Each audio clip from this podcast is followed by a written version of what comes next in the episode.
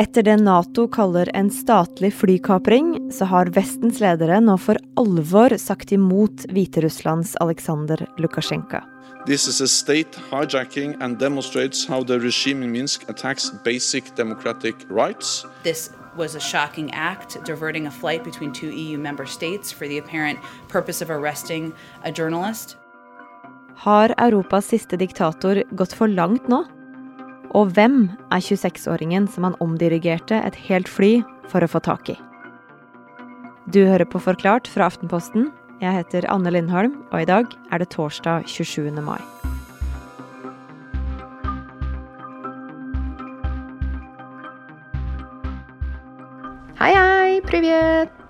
Helene Skjeggestad, du jobber jo i Moskva for Aftenposten, og det er bare to episoder siden vi snakka om åssen Russland går i en mer autoritær retning.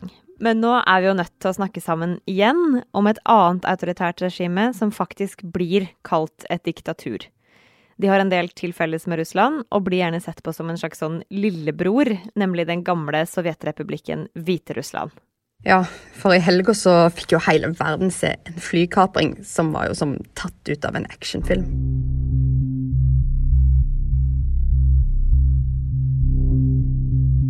Hviterussland har i 27 år vært styrt av Aleksandr Lukasjenko. Han er en, fremdeles en høyreist mann på nesten 1,90. Han har en liten, streng bart, og nå har han ganske lite hår på hodet.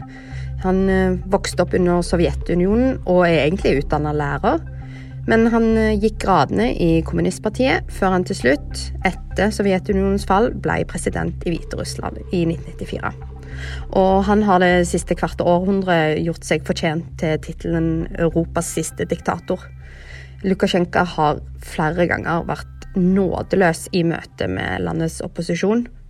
Og når man ikke trodde det kunne bli verre, ga han i helgen en viktig ordre.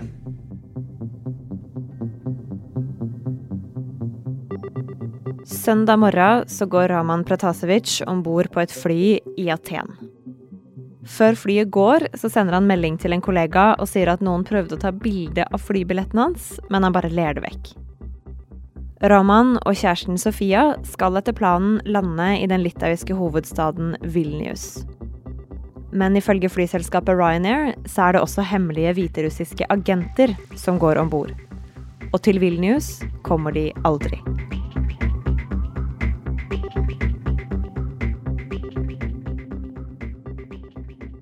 Se for dere ei linje på et kart over Europa. Linja går nesten rett nordover fra Aten i Hellas og er på vei til Vilnius i Litauen. Flyet kontrollerer med de ulike luftfartstjenestene i landene det flyr over.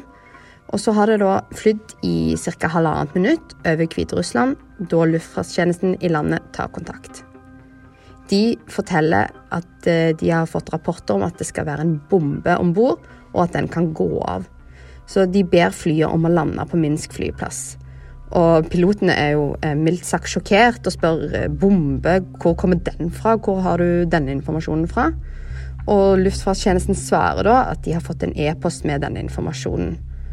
Og etter det så er det full forvirring inne i flyet. De forsøker å få kontakt med Ryanair-selskapet, prøver å forklare de hvem som anbefaler de å lande i Minsk. Det er jo tross alt litt rart at hvis det er ei bombe i flyet, så vil hviterussiske myndigheter ha den bomba til hovedstaden.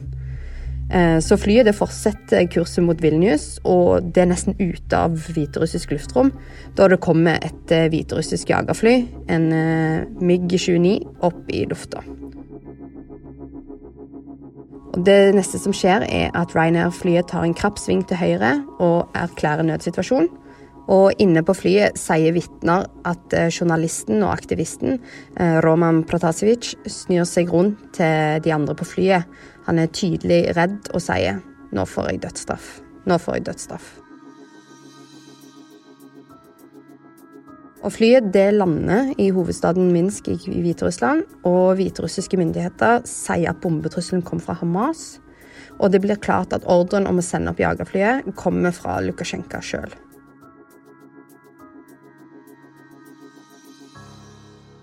Men den forklaringa om en bombetrussel fra Hamas, den er det få som tror på. Tysklands statsminister sier det er opplagt at det ikke var sant. Det er ganz offensichtlich, was da passiert ist, zumal ja das vorgeschobene Argument der Hamas ähm, Sjefen i Ryanair kaller det en kapring, og avviser at flyet måtte lande pga. en bombetrussel. Og Aleksandr Lukasjenko, eller Lukasjenka som det heter på russisk, får skylda.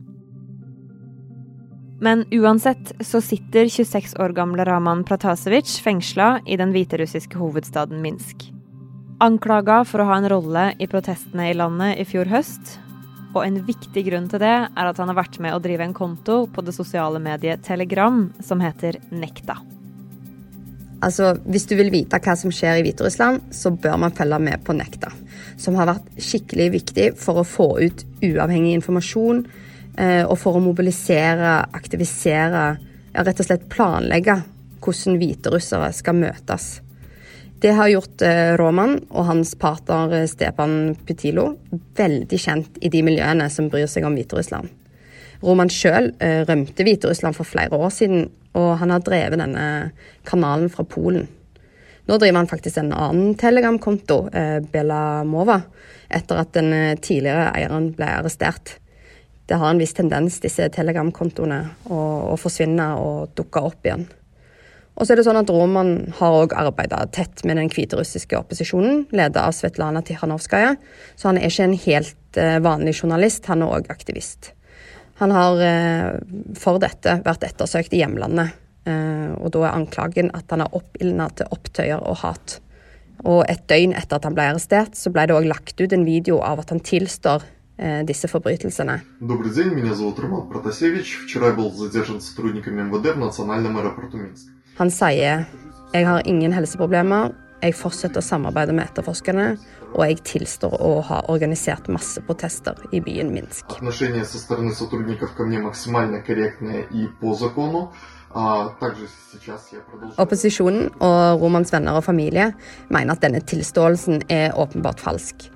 Eh, det kan også se ut som han er utsatt for fysisk vold, noe som ikke er uvanlig i hviterussisk varetekt.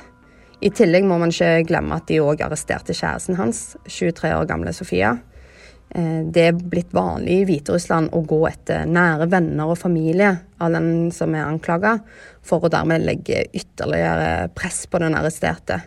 Og hva som har skjedd i varetekt med de to, det kan man bare tenke seg til. Men hva er det som gjør Pratasevic så viktig at Lukasjenko tydeligvis vil omdirigere et helt fly bare for å få tak i han?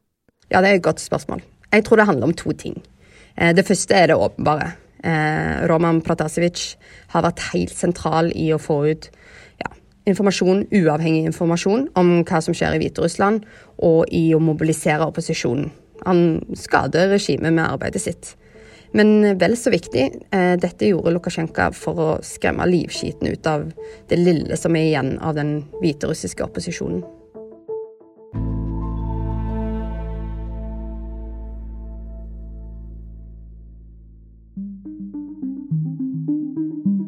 Sjøl om Aleksandr Lukasjenko har vært kjent som Europas siste diktator i mange år, så har det alltid vært en opposisjon der. Hviterussland er et utrolig fascinerende land.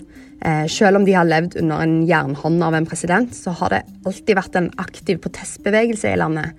Og siden 90-tallet kunne man finne ulovlige politiske teatergrupper, det er et levende alternativt musikkmiljø, og det er en kjerne av veldig aktive opposisjonelle som på 90-tallet og 2000-tallet risikerte livet sitt hver eneste dag.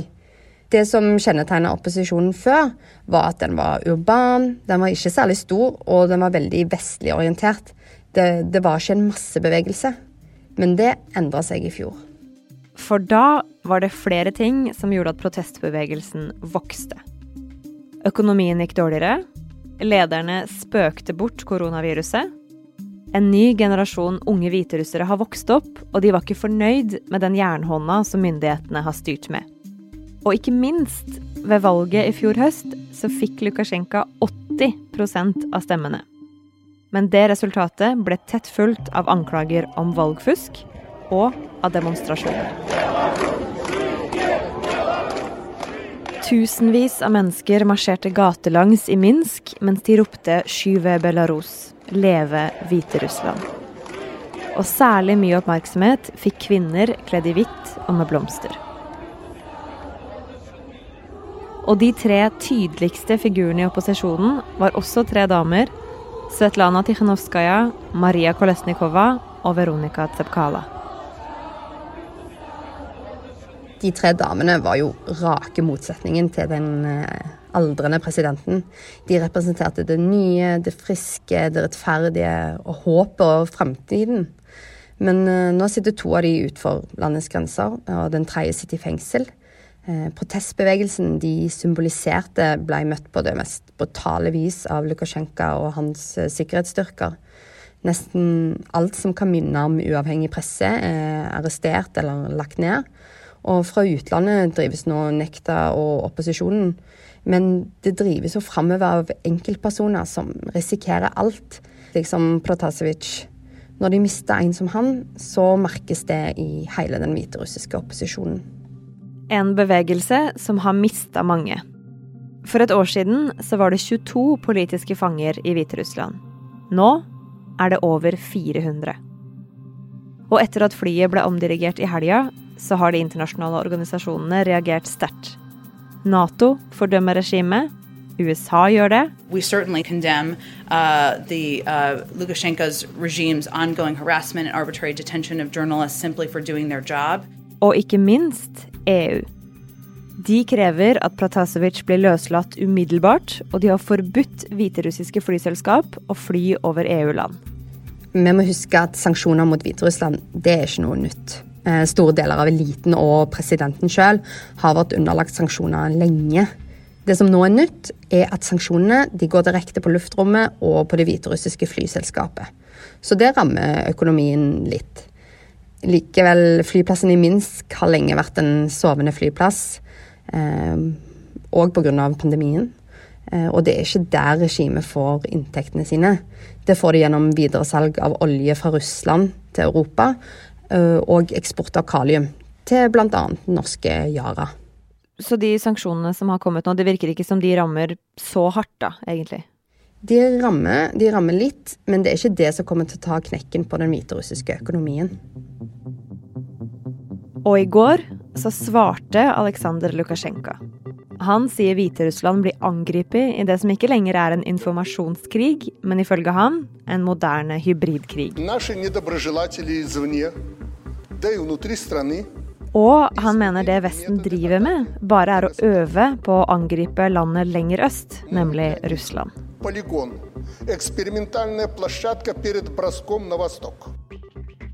Men nå møttes jo FNs sikkerhetsråd i går, og det var flere europeiske ledere som går ganske hardt ut, i hvert fall i ord enn så lenge. Kan det hende at Lukasjenko har gått for langt nå? En statlig flykapring er jo i en annen liga.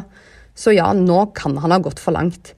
Eh, det satt jo andre EU-borgere på dette flyet òg, noe EU-lederne ikke kan la passere sånn uten videre. Og kanskje velger flere å bryte viktige økonomiske bånd med landet Eventuelt at det innføres sånn sektorvise sanksjoner på f.eks. olje. Da vil det virkelig merkes i presidentpalasset. Men det har jo ikke skjedd enda, og Aleksandr Lukasjenko har jo styrt Hviterussland omtrent på den måten her siden 1994. Åssen kan han bare holde på? Ja, det kan du spørre om. Mm, jeg tror det er to grunner til det. Eh, det viktigste er kanskje at han har støtte blant elitene Eh, blant politiet, hæren, institusjoner, rettsvesenet osv. Altså de som har makt til å kaste han, de er lojale mot han. Og Tidligere har han òg hatt uh, reell støtte i befolkningen, og han har nok fremdeles litt igjen av det. Men hovedgrunnen til at han kan holde på, er at undertrykkelse virker. Folket det er kua, og elitene er lojale. I tillegg da, så har han fremdeles én venn utenfor landets grenser. Og det er den russiske presidenten Vladimir Putin. Og fra Russland loves det både politisk og økonomisk støtte. Og sammen så danner de to presidentene en mektig allianse mot eh, kritikken fra Vesten. Og sånn kan Lukasjenko holde på. Og han har eh, ingen tilsynelatende planer om å gi seg. Så det står så fast, og det er ingenting som egentlig kan avslutte presidentskapet til Lukasjenko nå? Sånn som det står akkurat nå? Nei. Han har støtte hos elitene, de som har makt til å kaste ham. Men hvis det nå innføres f.eks. sektorvise sanksjoner da, mot olje og gass, og økonomien går skikkelig dårlig, da kan eliten rundt ham begynne å tenke at de kan få det bedre uten han. Og da tror jeg det blir vanskelig å være Lukasjenko. Og folket har han jo allerede mista, fordi han skyr jo ingen midler i jakten på dem. Ei heller statlig flykapring.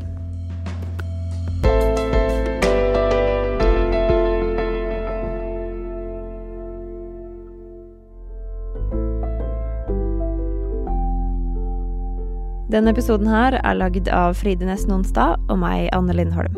Resten av Forklart er Marit Eriksdatter Gjelland, Ina Swann, David Vekoni og Guri Leil Skedsmo. Du hørte lyd fra nyhetsbyrået AP.